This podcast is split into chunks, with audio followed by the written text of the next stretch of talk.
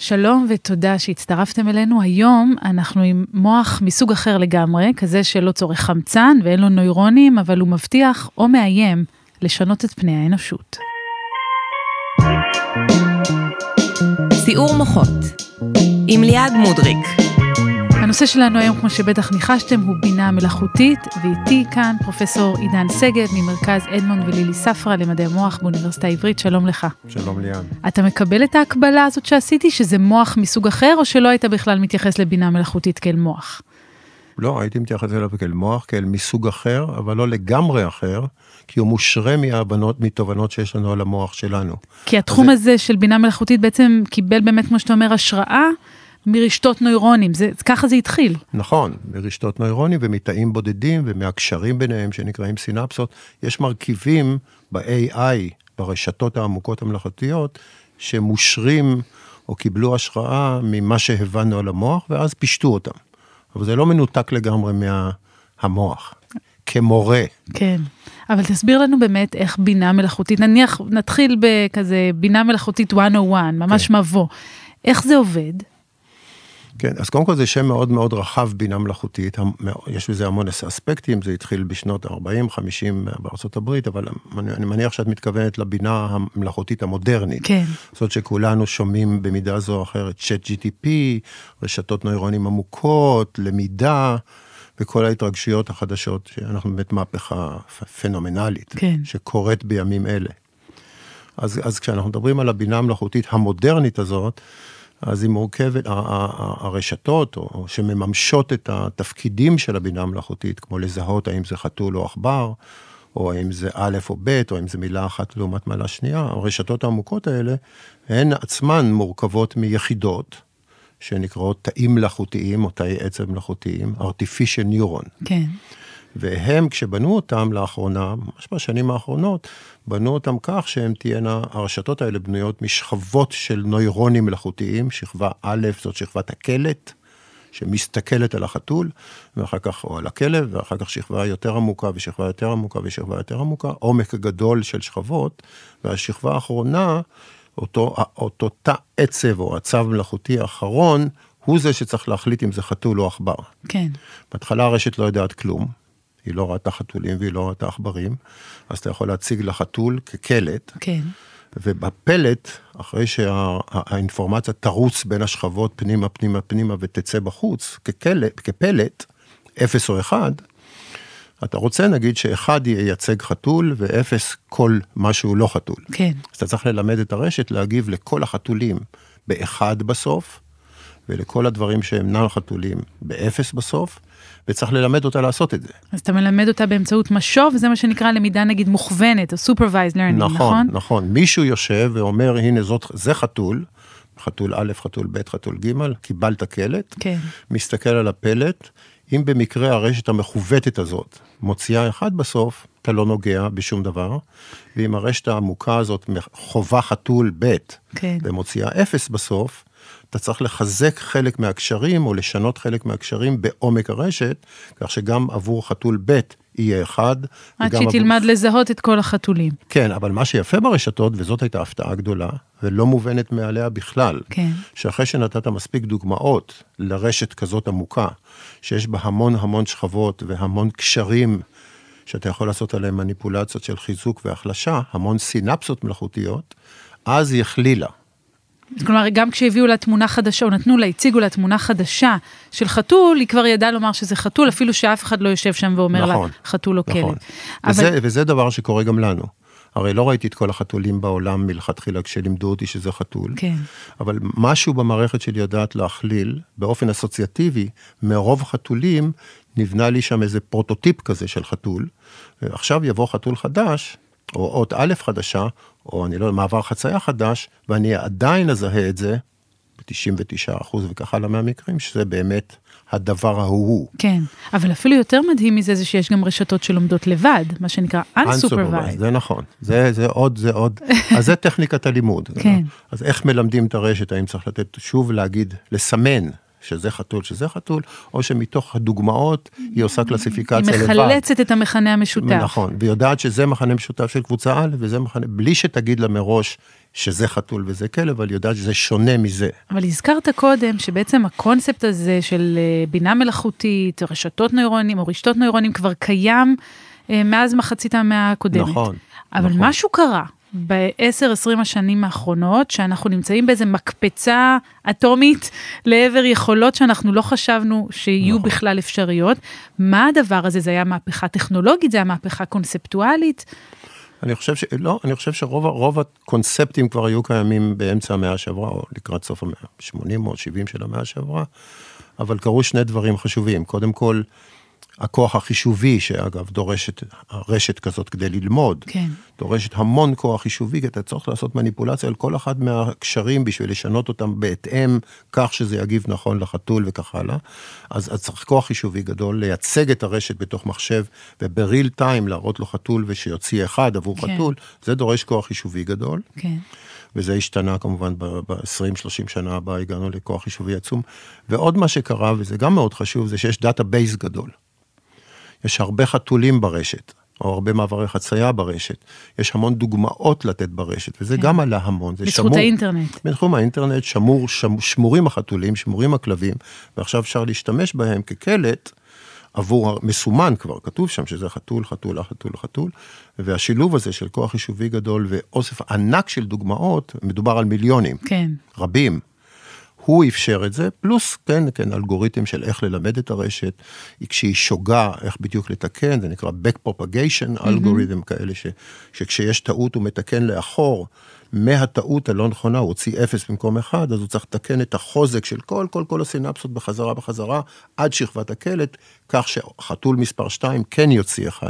אז האלגוריתמים טיפה חדשים, אבל הרעיונות כבר היו קיימים, התיאורטיים. אבל הרעיון הזה שנגיד, מה שנקרא למידה עמוקה, Deep Learning, שיש את השכבות, החבויות האלה, היה קיים כבר היה קודם. קיים, כן. רק לא יושם ממש? לא יושם ו- ולא היה יכולת לעשות דיפ כל כך. כן, מסתבר שאתה צריך את הדפס הזה. הבנתי. צריך, זה מספיק עמוק הרשת, ששוב, לא ברור בדיוק עד היום, אין תיאוריה. כן, זה גם מעניין, זה עובד טוב, מתוך ניסוי וטעייה, כן. אבל לא ברור, אין תיאוריה אחת שלמה שאומרת, תשמע, בגלל שזה כך וכך עמוק, וכך וכך רחב, יש כך וכך נוירונים לרוחב, וכך וכך נוירונים, היא יודעת לעשות את זה. כי אם זה היה, לא הייתי צריך ללמד את הרשת, הייתי בונה אותה מלכתחילה כרשת חתולים. כן. לא הייתי צריך לאמן אותה. אין תיאוריה, ועובדים על זה מאוד חזק. אבל אני רוצה, מבלי להמעיט בהישגים העצומים של התחום הזה, אני רוצה רגע להרים את הדגל הנגיד בריינופילי, המצאתי כן. מילה, של אוהבי המוח. אמ, כמוני. בדיוק, כי היא מדהימה, מה שהיא יכולה לעשות, הבינה המלאכותית, אבל למשל, הזכרת את החשיפה, היא צריכה, כדי ללמוד את ההבדל בין כלב לחתול, היא צריכה מאות אלפי דוגמאות. נכון. בני אדם, תינוקות, לומדים את ההבדל בין כלב וחתול, לפעמים אפילו על כמה, בכמה מקרים בודדים, מספיק כמה הצבעות בודדות, כדי שילדים ילמדו את הקונספט כן. הזה.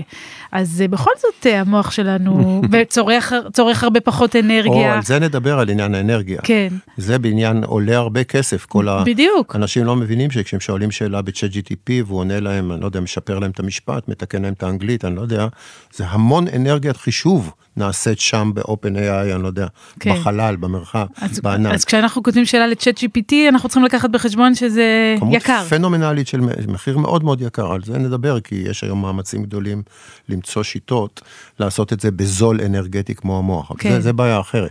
את צודקת שלמוח יש יכולות של, לפעמים קוראים לזה one shot learning. כן, בזמן מאוד קצר, במיוחד אם זו חוויה רגשית מאוד משמעותית, נגיד תאונת דרכים, או משהו מאוד חשוב שקרה לך, גם חיובי, כן. אתה לא צריך לבוא שוב ושוב ושוב להדגים אותו בשביל שתזכור את האירוע הזה. כן, זה אנחנו לא יודעים לעשות ברשתות מלאכותיות, עדיין. כן. מה שאומר שלמוח יש פטנטים אחרים. איפה עוד יש הבדלים? נגיד, אני יכולה לחשוב נניח על אה, בינה כללית, מה שנקרא נכון, General Intelligence. נכון. אנחנו יכולים ללמוד הרבה תחומים. בינה מלאכותית בדרך כלל היא מאוד ממוקדת. GPT יודע לעשות הרבה דברים בתחום שפה, אבל עכשיו תיתן לו דברים אחרים, יהיה לו קצת יותר מורכב. נכון. אז זה, זה, גם- כיוון שמנסים ללכת אליו, ה-General Intelligence, כן. General AI. כן, כי זה אנחנו, כן, אותה רשת עצמה אצלי במוח יכולה גם להרגיש רגשות, גם לזהות פרצופים, גם להפעיל תנועה, כן, מראייה אני מזיז את היד, כל הדברים האלה שיש לנו חבויים באותה קופסה, כן. ברגע זה מחולקים לביצועים או יכולות שונות, כל אחת עם, עם המומחיות שלה.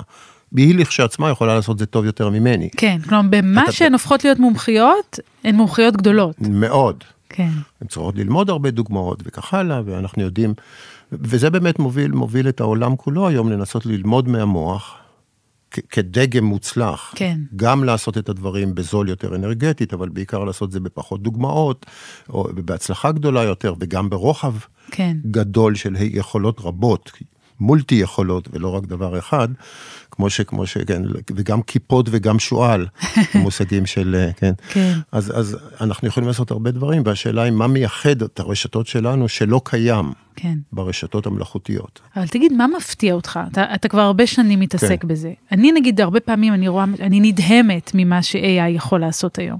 אתה מופתע או שמבחינתך מאוד, זה... אני חושב שהממציאים של זה, ג'ף הינטון למשל, שהוא אחד מראשיה כן. והאחרים שפיתחו את זה, הם, הם, הם לא הבינו עד כמה חזק הדבר שהם פיתחו, הם, הם נבהלו במובן מסוים, כי בגלל? כל? ההשלכות.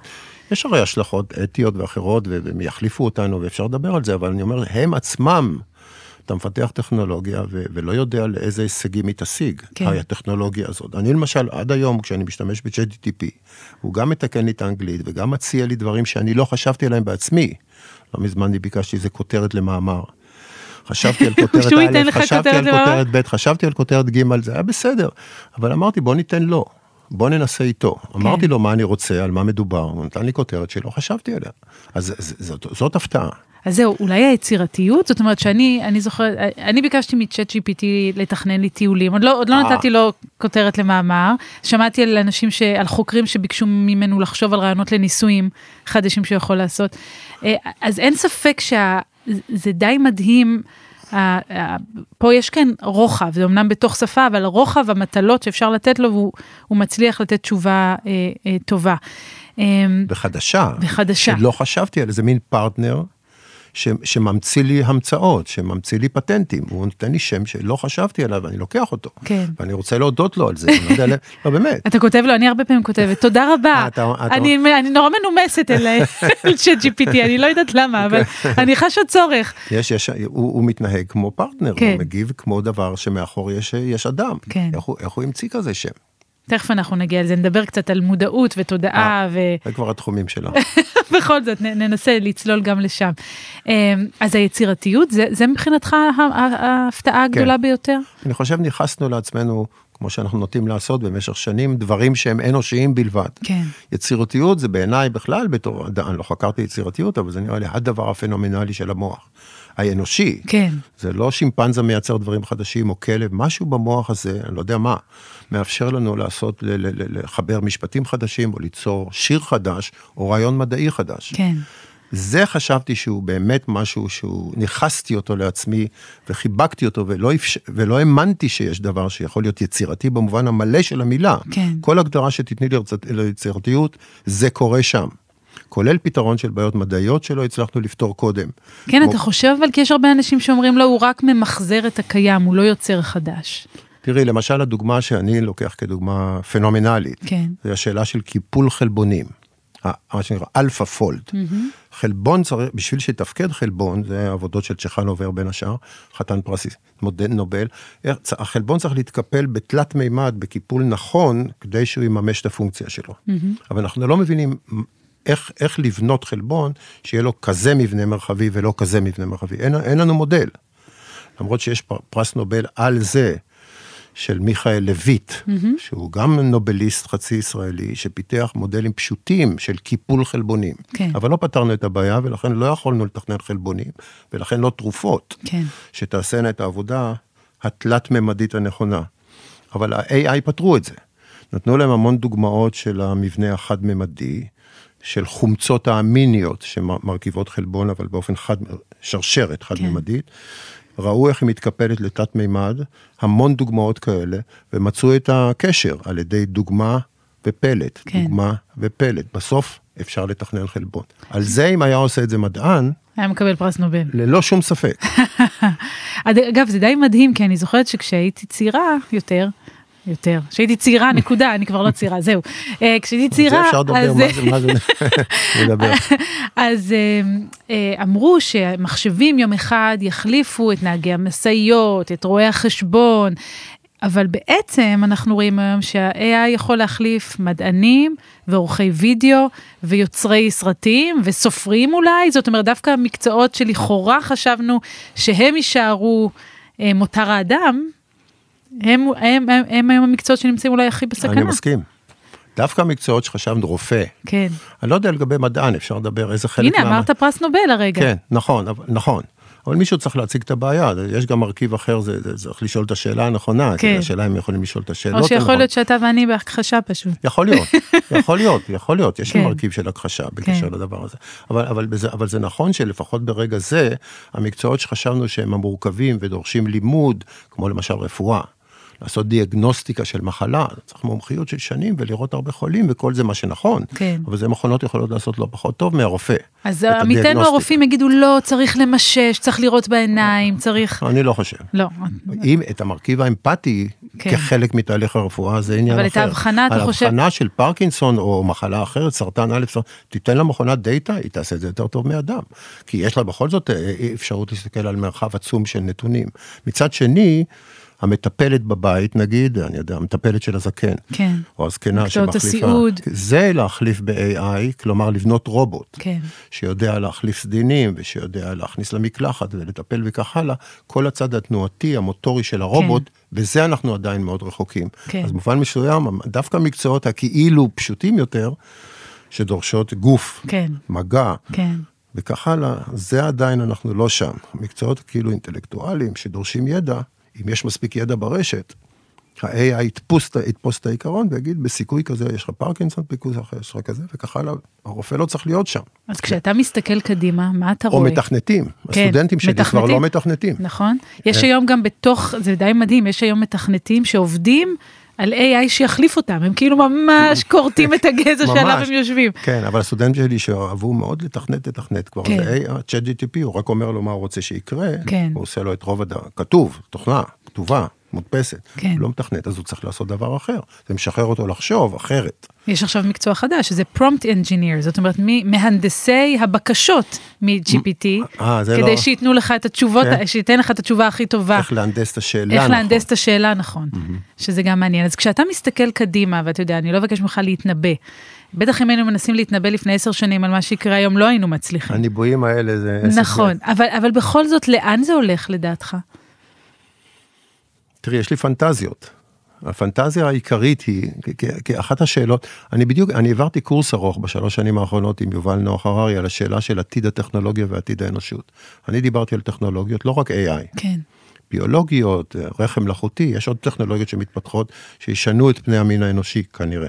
אבל זאת ללא ספק, זה קורה, זה כבר לא אולי. כן, ויש פחדים מזה וכך הלאה, אבל אם זה יתפתח בכיוון הנכון, חוץ מהפחדים הגדולים ש, של שקר, של מה זה אמת, ושל מי, מי כלומר, פייק המניפולציות, news, ו- fake אה, news, סרטונים אה, ו- כן, מי, מעובדים. מי בכלל מדבר איתך, אם זה הוא אמר או לא אמר, וכל, כן. וכל העניינים האלה של איפה האמת, כן, איפה נמצאת האמת. ואיך כאן נזהה ש- אותה. איך נזהה אותה, יש שאלות אחרות, כן, אבל בהנחה שנתגבר איכשהו על הדברים האלה, וחלק גדול מהמקצועות שחשבנו ש...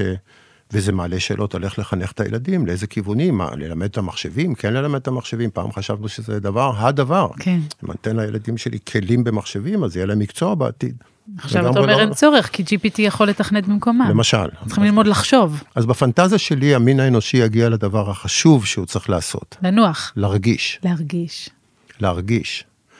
לנוח, כן, להתעסק בתחביבים. יכול להיות כל תחביב, הוא יכול להמשיך לתכנת, או יכול להמשיך לשחק שחמט, או לנהוג אם הוא רוצה, למרות שיש, מח- כן. זה לא שלא. כן. אבל אני אומר, יש דברים שלא יכולנו להרשות לעצמנו, או לא התפנינו מספיק. מעניין. אנחנו לא מוכשרים מספיק לזה, כי לא טיפלו באספקט הזה, כי אמרו לנו, אתה צריך למצוא את המקצוע בחיים. אבל אם ת- לא יהיה מקצוע, יהיה כסף מהרובוטים, יש תחום שלם של איך לעשות טקסינג של רובוט, כן. נגיד שמישהו צריך לשלם, מישהו צריך לשלם, איכשהו, הכלכלה צריכה להתנהל, אבל כן. אם אני לא אעבוד ואני לא מכניס כסף, אז צריך לטפל בצד הכלכלי. אבל זהו, יהיה, יהיה צריך להיות איזשהו מנגנון שיאפשר לאנשים, הרי מעמדות, מה, אתה רואה מצב שלא יהיו מעמדות כלכליים? כולנו נהיה הייתי, אני, זה, הלוואי, אתה אומר, דיברנו על פנטזיה. הפנטזיה. נכון, נכון. אם הרובוטים יעשו את העבודה, והם ינהגו, והם ישלמו גם את, הרובוט ישלם את ה... לא יודע, מס הכנסה, ל- כן. וכך הלאה, ויהיה לי זמן, לי, לנו, כן. זמן, לחשוב. ונוכל לדבר אחד עם השני, הרבה שעות, בלי שום מטרה, אלא מטרת תקשורת, מטרת הבנה, מטרת אינטרוספקציה, מטרת התקרבות. זה נראה לי עולם נכון, אבל אתה יודע שאנשים, זה מעניין מה שאתה אומר, כי אתה אומר לדבר בלי מטרה, ואני ישר שומעת, מתחיל לזמזם לי שעמום ב- בראש. ואנשים הם מאוד לא אוהבים להשתעמם. יש מחקר של אה, חוקר, נדמה לי ששמו ווילסון, שנתן לנבדקים ונבדקות להיכנס לחדר. במשך רבע שעה, לא היה שם שום גירוי אחר, לקחו להם את הטלפונים הסלולריים, הדבר היחיד שהיה שם זה שוקר חשמלי. והם, חלק גדול מהם, נתנו לעצמם שוקים חשמליים, פשוט כי היה להם משעמם. הם לא יכלו לסבול את הישיבה ללא מעש, ללא מטרה, אבל זה ללא בעול- גירוי. אבל זה בעולם שלנו. שלנו. אז אתה מדמיין עולם כן. שנרגיל את עצמנו, אני חושב שזה יהיה עולם מש- מדהים, משגע, עמוק מאוד. אני לא, שוב, אני לא אומר שלא נעשה כלום, שנשכב כן, על הגב. כן. אני לא אומר שלא נעשה נכון, פעילות זה אני אמרתי, גופנית. לנוח מחקתי. כן, נכון. פעילות גופנית ונלך לשחות, אני לא אומר שלא נעשה פעילויות. כן. אבל תראה, אני אתן לך דוגמה, יש לי חבר שהיה, התעשר מאוד בשוויצריה, מאוד, ויכול היה להמשיך לעשות, ובגיל 50 הוא החליט להפסיק לעשות שום דבר, וכשאתה שואל אותו מה אתה עושה, הוא אומר כלום. אז כשהוא אמר לי כלום בהתחלה, זה די זעזע אותי, הרי אני בכל זאת כן. כן. קרייריסט, ורוצה לעשות פעיל. דברים, ולהשפיע על העולם, ולשנות אותו, וכל... כלום. אמרתי, אתה, אתה מתכוון לכלום? הוא אומר, כלום. כשאתה שואל אותו אחר כך, אחרי כמה שנים של התרגלות לכלום, כי בכל זאת הוא בא מהעולם שמצפה ממנו להגיד, כן. מה, מי אתה? כן. מי אתה? אתה מתמטיקאי, אתה פרופסור, אתה איש עסקים, מי אתה? כן. כלום. למדתי, למדתי להעריך אותו מאוד, כי הכלום הזה במרכאות שלו, הפך למשהו של קריאת ספרים, של פגישה ארוכה עם אנשים, כן. של יכולת הקשבה. אני לא הכרתי אותו לפני הכלום, אז אני כן. לא יכול להגיד מה היה לו לפני זה, כן? כן. אבל הוא עבר ללא ספק תהליך, שאפשר לו להיות במצב שאני חושב שהוא מצב פנומנלי. זה מעורר קנאה. לגמרי.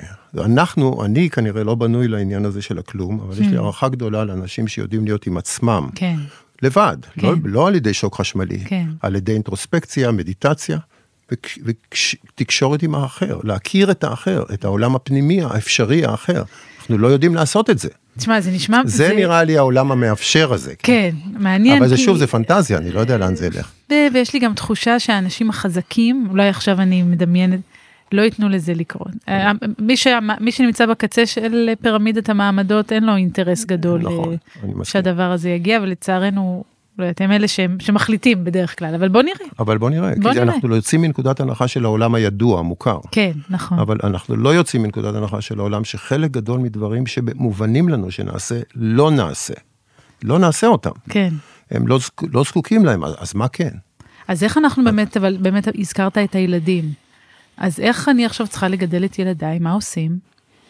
זאת שאלה טובה, עסקנו בזה בקורס, ואפילו הייתה עבודה שלמה. הייתה, עסקנו בזה בקורס, ודיברנו הרבה עם הסטודנטים. כן. הסטודנטים הפתיעו אותי בהרבה מובנים, כי זה בכל זאת דור שונה משלי. חלק מהשאלות ששאלתי אותם, הם, ענו, הם הגיבו אחרת ממה שאני הייתי מגיב, אילו הייתי הם. מעניין. ואני מבין שכבר הם עוברים תהליכים. כן. אחד הדברים שהבנתי שהם בכלל לא מצפים, הם, אותה קבוצה של אנשים שהם דוקטורנטים אצלנו, כלומר הם לומדים, זה קודם כל לשנות מקצוע, הם לא חושבים על עצמם, הם מסתכלים עליי אפילו בתור מקרה מוזר.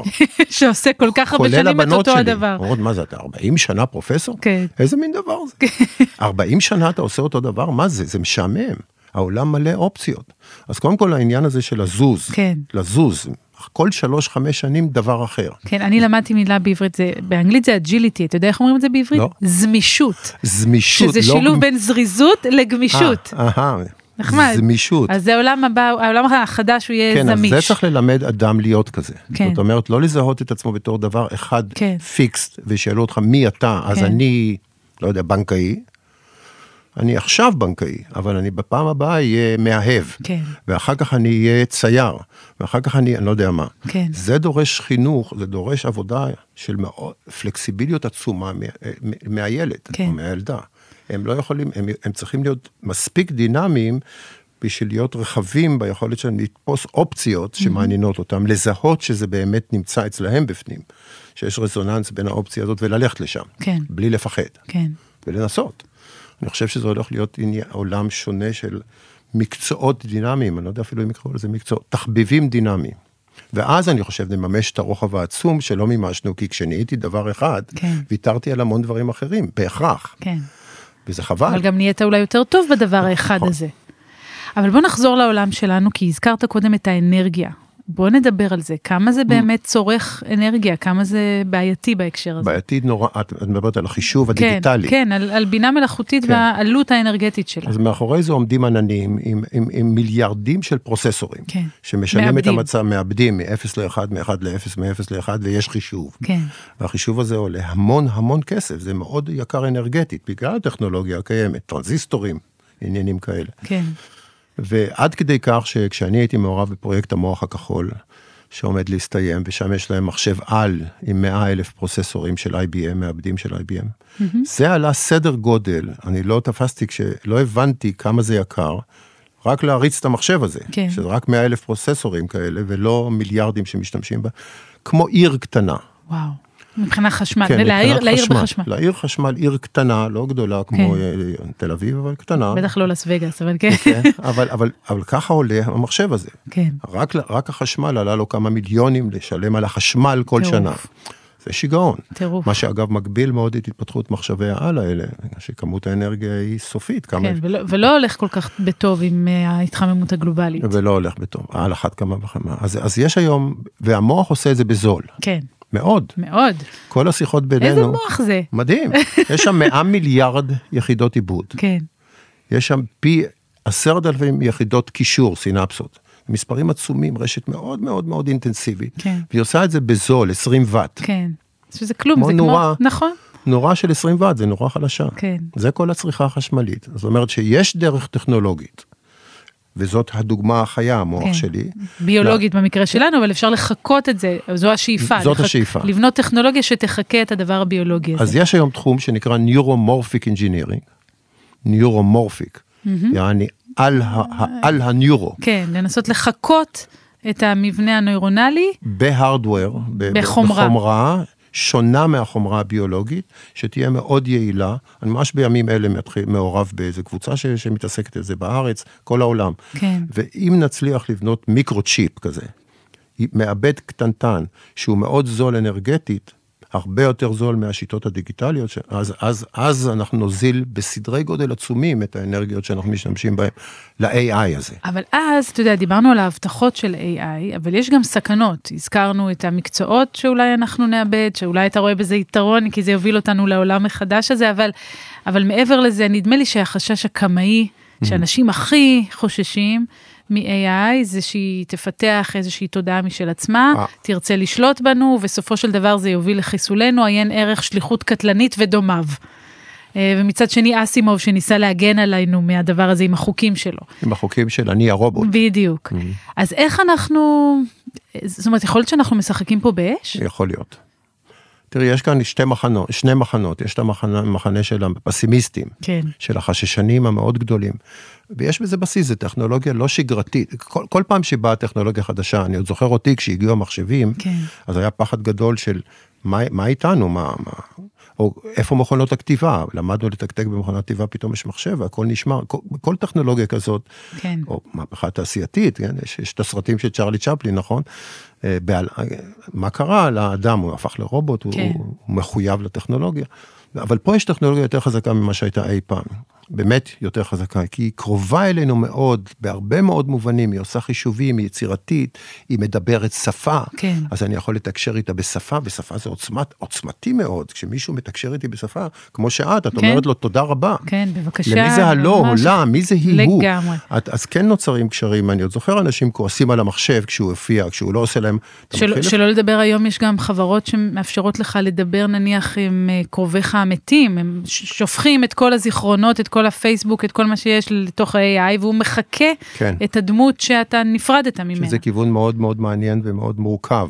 אפטר לייף כן. נקראת אחת החברות האלה, כן. זה חברת בת של פייסבוק, שמפתחות את הזיכרון, או, או על מוות דיגיטלי, כן. את האלמות דיגיטלי שלי, שלי, שזה מעניין, ואם יהיה עוד פנים וכך הלאה, אז הנכד של הנכד של הנכד שלי יוכל לדבר איתי ואני אשתנה בעקבות השיחה.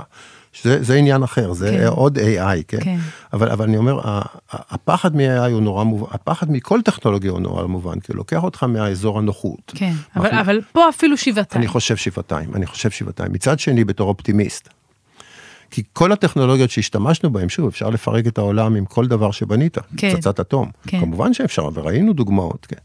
אבל בסוף האדם לא ישתמש בזה להרס טוטאלי. הוא יכול להשתמש, יש מספיק, כן. אנחנו יודעים מה, מה יכול לקרות במוח של אדם, במיוחד בימים האלה, איזה שימושים נוראים אתה יכול לעשות במוח הזה עצמו. כן, אבל מסתבר שלאורך השנים, ככל שאני מסתכל על טכנולוגיה שפותחו, אף אחד באופן גלובלי, לא לוקאלי, לא אז זהו. הרס אבל- את המין אז האנושי. הנה אני מאתגרת אותך עוד רגע, אוקיי. דוחפת אותך רגע לפינה, כי אמ, נדמה לי שבמקרים עברו, Mm. הטכנולוגיות האלו, האלה היו ניתנות לשליטה במובן הזה שממשלות הן אלה.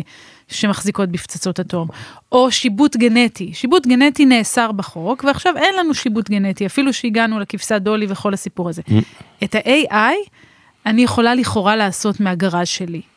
אה, לפתח, אני צריכה את הכוח החישובי הזה, אבל הוא כבר קיים, ועכשיו כל אחד יכול לעשות, לעשות עם זה מה שהוא רוצה, ואין לנו היום חוקים, הממשלות נראות שהן ממש לא נכנסות למשחק אפילו, אז זה נדמה כאילו, בכל זאת יש כאן איזה פוטנציאל הרס. אני גדול יותר. כן, אני, אני מסכים עם זה שיש פוטנציאל הרס גדול יותר, וכן, אני חושב, חלק מהמדינות כן התחילו לה, להכניס כן. פיקוחים מסוימים, וזה חלק אולי מהסיבה שלסם אלטמן כן התפטר או לא, בגלל השאלה של כמה control אתה כן. כן, מאפשר לממשלות או לגופים, כן. גופים קובעי מדיניות, או אתיקנים, מי, מי קובע איך להשתמש בזה או לא, בטכנולוגיה החדשה, והיא יותר, יותר מסוכנת, כן. היא יותר קרובה אלינו, יותר חופשית, ויותר דרמטית. באמת יכול לעשות דברים איומים, איומים. כולל רובוטים שאתה מצביע עבורם, או שאומרים לך מה לעשות ועוקבים אחריך, ומצלמות שאומרות לך כל מיני דברים, אני, אני מסכים. כן, מצד שני, מצד שני, זה יכול להיות כלי עזר פנומנלי להוציא, כי אני חושב על עצמי כעל, אתה יודע, המורה אמרה לי בכיתה א', תשמע, אתה משתמש רק בעשרה אחוז. העניין הזה של כן. עשרה אחוז, אנחנו יודעים שזה שקר, בינלאומי, אבל, אבל בוא, ש- בוא, בוא. נפריך את המיתוס לא, הזה, לא, כן, לא. אנחנו משתמשים ב-100% מהמוח. כן, נכון, נכון, לא, אני רק אומר שהיא אמרה לי את זה, נכון. היא אמרה לי את, את הדבר כן. הזה, זה אמנם היום אני יודע בתור חוקר, אז, אז חשבתי שעשרה כן. אחוז עובדים ותשעים אחוז נחים. שקטים כן. לגמרי, כן, וש, ושאני צריך להתאמץ, היא אמרה תתאמץ להפעיל את החלק האחר, כן, שהוא שקט. אז ישבת, אני מפעיל, עכשיו אני ממש, מפעיל. לא ברצינות, אני מספר לך סיפור, היא אמרה לי, זה שמע, אתה רק. מפעיל כאן את הצד הימני העליון ותתחיל לעבוד, כן."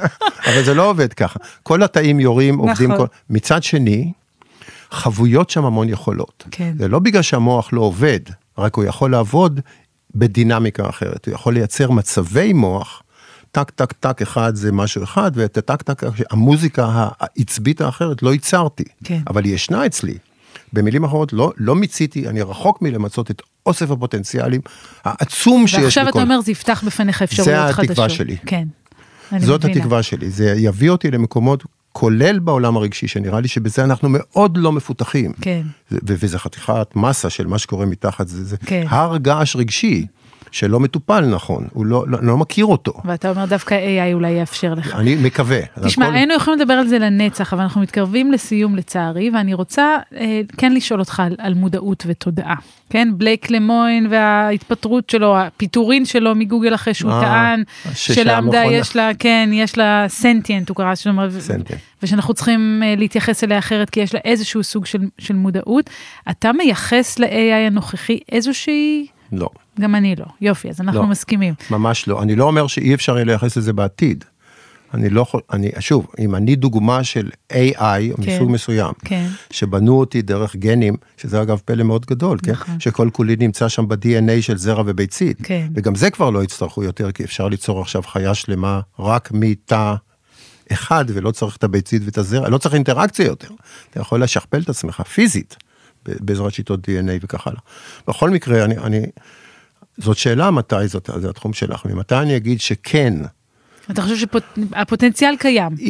אם, אם, זה הצליח אצלי, כן, אז אין ב- סיבה להניח שזה לא יצליח למה לא? במערכת אחרת. מה, מה, אלא אם כן תגידי, יש, יש- משהו בביולוגיה. יש כאלה, יש, יש תיאוריות כאלה שאומרות זו תופעה ביולוגית, כן. זה לא יוכל להיות משוחזר באמצעים אז את זה אני צריך לא. לראות, אני כן. לא מבין, אני בתור כן. חוקר תאי עצב, למה שזה יהיה דווקא מה ביולוגי? יש בתא העצב הבודד או בקשר הסינפטי ביניהם, שהוא כל כך אחר מכל חומר אחר שחבוי שם כבר, בסינפסה או בתא העצב או בתעלה בממברן. ממברנה שמובילה זרמים, משהו מיוחד בביולוגיה. זה אני לא מבין. כן. אני, לא, אני לא מבין את זה. אני לא אומר שאין. כן, אני לא, לא הוכחתי אחרת. ברור. נדמה לי שהשאלה הגדולה כאן זה איך נדע. איך נדע? איך נדע, גם אם יבוא השאלות, כאן, נכון. זאת השאלות שלך, איך נכון, נדע? נכון. ואני גם יכול לשאול אותך איך, את- איך את יודעת שאני מודע. למה את חושבת שאני מודע רק בגלל שאני מדבר כמוך? אז אני, אז אני חושבת שהסיבה, קל לי לייחס לך, אני לא יודעת בוודאות שאתה מודע, אתה יכול להיות איזה זומבי מתוחכם או רובוט מתוחכם, אבל אני מייחסת לך מודעות כי לי יש מודעות, אני חווה אותה, ואתה מספיק דומה לי בהתנהגות שלך ובמבנה שלך כדי שאני אעשה, אעשה את זה. ועכשיו באמת, אני אומרת, פה אני מספרת קצת על עצמי, אחד כן, הדברים כן. שאנחנו באמת מתעסקים בהם, בשנה האחרונה ממש, זה לנסות להבין האם אנחנו יכולים לפתח מבחן, סוג של נייר לקמוס למודעות, לא רק ב-AI, גם בעוברים, גם נכון. בבעלי חיים שאינם בני אדם, אנחנו רוצים לדעת מי מודע ומי לא מודע. האם זה אפשרי? עד כמה אפשר לעשות את זה? אז באמת יש כל מיני קבוצות, גם עם פילוסופים, שמנסים אה, להבין, לתת תשובה. תשובה עדיין אין, אבל אולי נתקדם קצת בניסיון למצוא לפחות מרקרים, שיגרמו לנו לחשוב שהדבר הזה הוא יותר, יש סיכוי יותר גבוה. נניח ש, שהוא מודע. אבל אין ספק שזה גם אחד האתגרים הגדולים שאנחנו לגמרי. עומדים בפניהם. וזה, ש, וזה שכזה מהנדס בגוגל חשב שיש שם אספקט של מודעות, כן. ואני מוכרח להגיד שגם אני לפעמים, כמו שאמרתי, מהתשובות של ה-chat GTP הזה, תשובות אפילו אישיות, כן. כן. הוא אומר דברים שיש בהם כאילו, אם, אם, אם, אם לא הייתי יודע שזה ביני לבין ה-chat GTP, אלא מישהו היה נותן לי את השיר הזה, כן. או את התשובה הזאת, הייתי אומר, שמע, יש שם, יש שם הבנה. כן.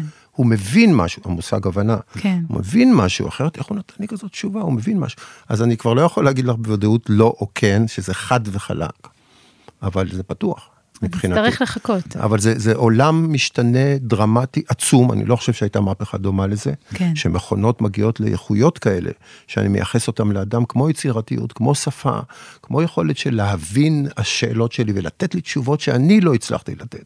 יש שם איזה פרטנריות חדשה. אני חושב שנהיה מועצמים מזה. זאת התחושה שאני לפחות ברגע זה מועצם מה-chat GTP ולא מפחד ממנו. איזה כיף. אז אנחנו נשאר בתחושה האופטימיות והמועצמת הזאת ונקבל את טוב. פרופסור עידן שגב, תודה רבה לך. בשמחה ליעד, תודה. כיף להיות איתך. גם לי.